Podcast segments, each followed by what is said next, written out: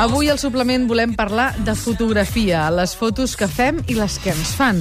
Perquè hi ha gent que queda tan bé a les fotos i altres que disparen i disparen i no en poden aprofitar mai ni una.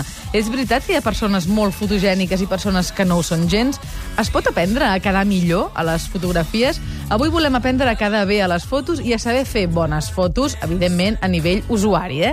Per això hem convidat en Pep Ávila, fotògraf de moda i publicitat, especialitzat en fotografiar gent. També compta amb retrats de destacats personatges del món de la cultura i de l'esport, a més d'una interessant feina documental, especialment a l'Índia. Pep, benvingut al suplement. Hola, bon dia. Com estàs? Molt bé. D'acord. També ens acompanya la Núria Coll. Hola, Núria, una altra vegada. Hola, una anònima que queda molt malament a les fotos i que avui pararà l'orella. Has vist que avui en Josep, em sembla que ha estat, ha penjat la teva foto de Facebook al nostre perfil de Facebook per saber, perquè abans deia en Pep que la foto que penges al Facebook de tu mateix t'acaba definint d'alguna manera. D'alguna manera, sí, tant, tant per si apareixes com a imatge com per si, però com, com si no vols aparèixer, no? Uh -huh. I dèiem abans, eh, tant el Xavi com la Núria han aprofitat fotografies que tenien de perfil. Exacte, sí. Bé, això cadascú sap com, com millor apareix o com, o com millor vol, vol mostrar-se, no? Però, i, I la Tatiana, que la fotografia del Facebook és frontal, la, ho recomanaries per la població en general, fer fotos frontals? Home, ara que me la miro, jo crec que sí. Què de dir, pobra?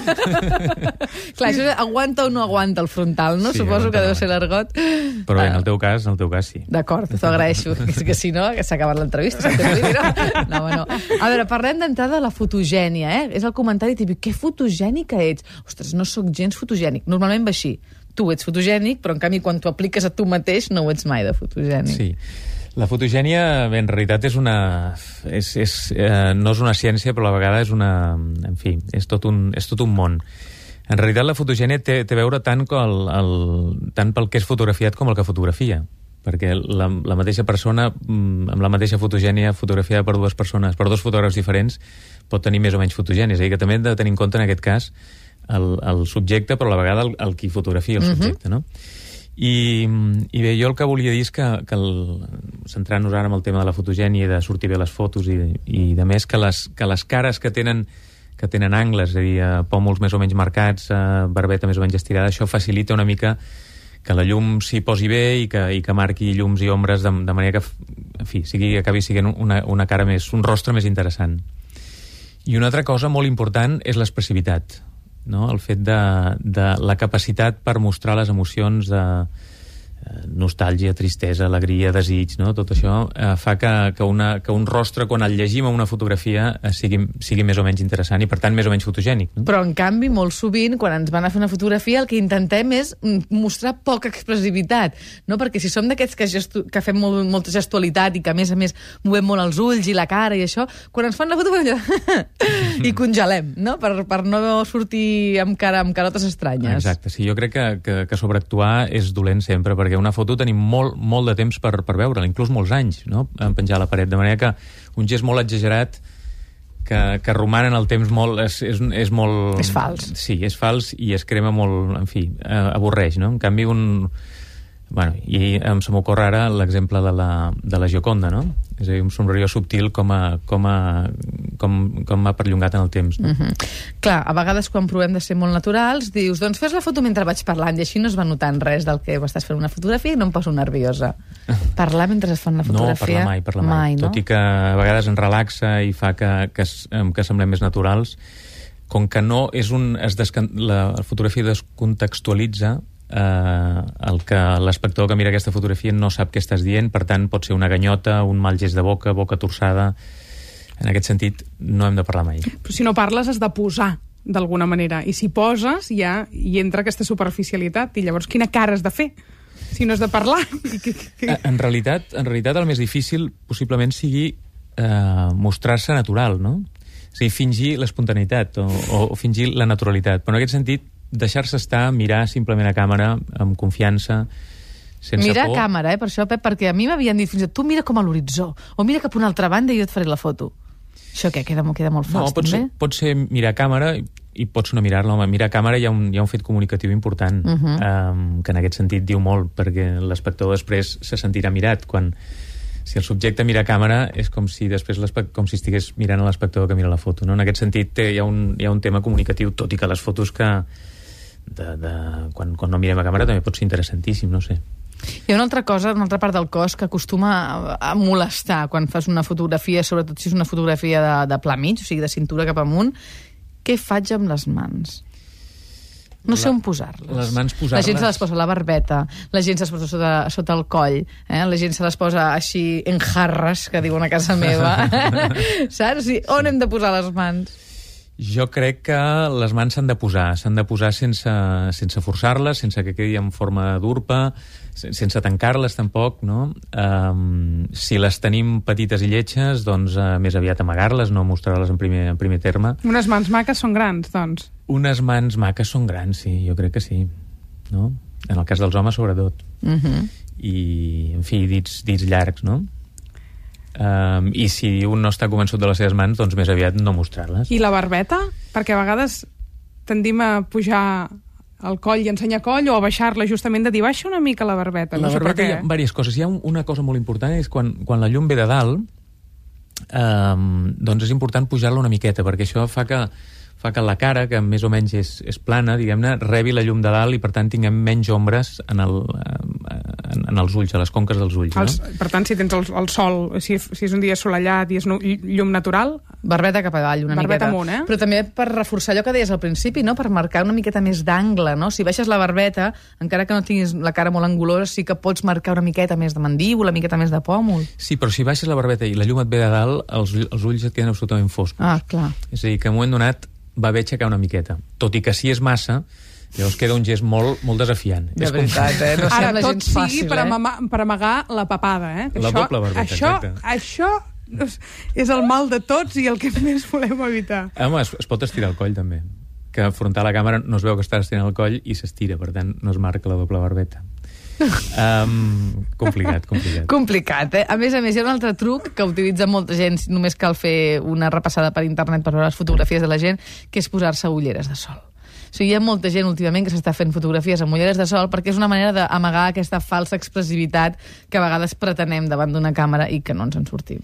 A mi, a mi fer fotos amb, de gent amb ulleres de sol de familiars, eh, amics, en fi, jo demano que sempre es, es treguin les ulleres, perquè de fet és com una màscara, és un, és un antifàs, és a dir, que en aquest sentit sí que, no sé, no, no, és que no m'interessa gens. I després hi ha un altre, un altre sistema que ara està utilitzant molta gent, que són aquestes aplicacions de telèfon mòbil, perquè, clar, ara fem fotografies amb els telèfons mòbils a tot arreu, i és uh, satinar, saturar, um, posar color sípia o posar color blanc i negre a les fotografies, perquè així acabem distraient una miqueta, no?, el que és realment la fotografia. Totalment, i hi ha, hi ha efectes boníssims, a més, eh? d'uns marcs especials, com retalladets, com... La veritat és que són, és una eina fantàstica. El telèfon jo crec que acabarà substituint Bueno, i de fet ja, estan, ja està substituint molt, molt les, Les càmeres, càmeres, petites. sí, sí. Ja no pot competir amb càmeres més grans, evidentment, per qualitat ni per, ni per res, però les càmeres petites... les digitals, que... aquestes que portem al bols tota la bossa de tant en tant, aquesta sí que pot estar substituïda per un iPhone, per exemple, eh? que a més a més té l'avantatge la- l'iPhone o, o equivalent, no sé si BlackBerry funciona, si, si té tantes aplicacions en aquest sentit, però l'iPhone sí que té programes que, que, clar, les càmeres no tenen les càmeres petites, no? Ah, és que a més jugues, no? Dius, va, doncs ara faré una fotografia com una Polaroid, per exemple, no? Sí. I a més te la pots imprimir i et queda exactament igual.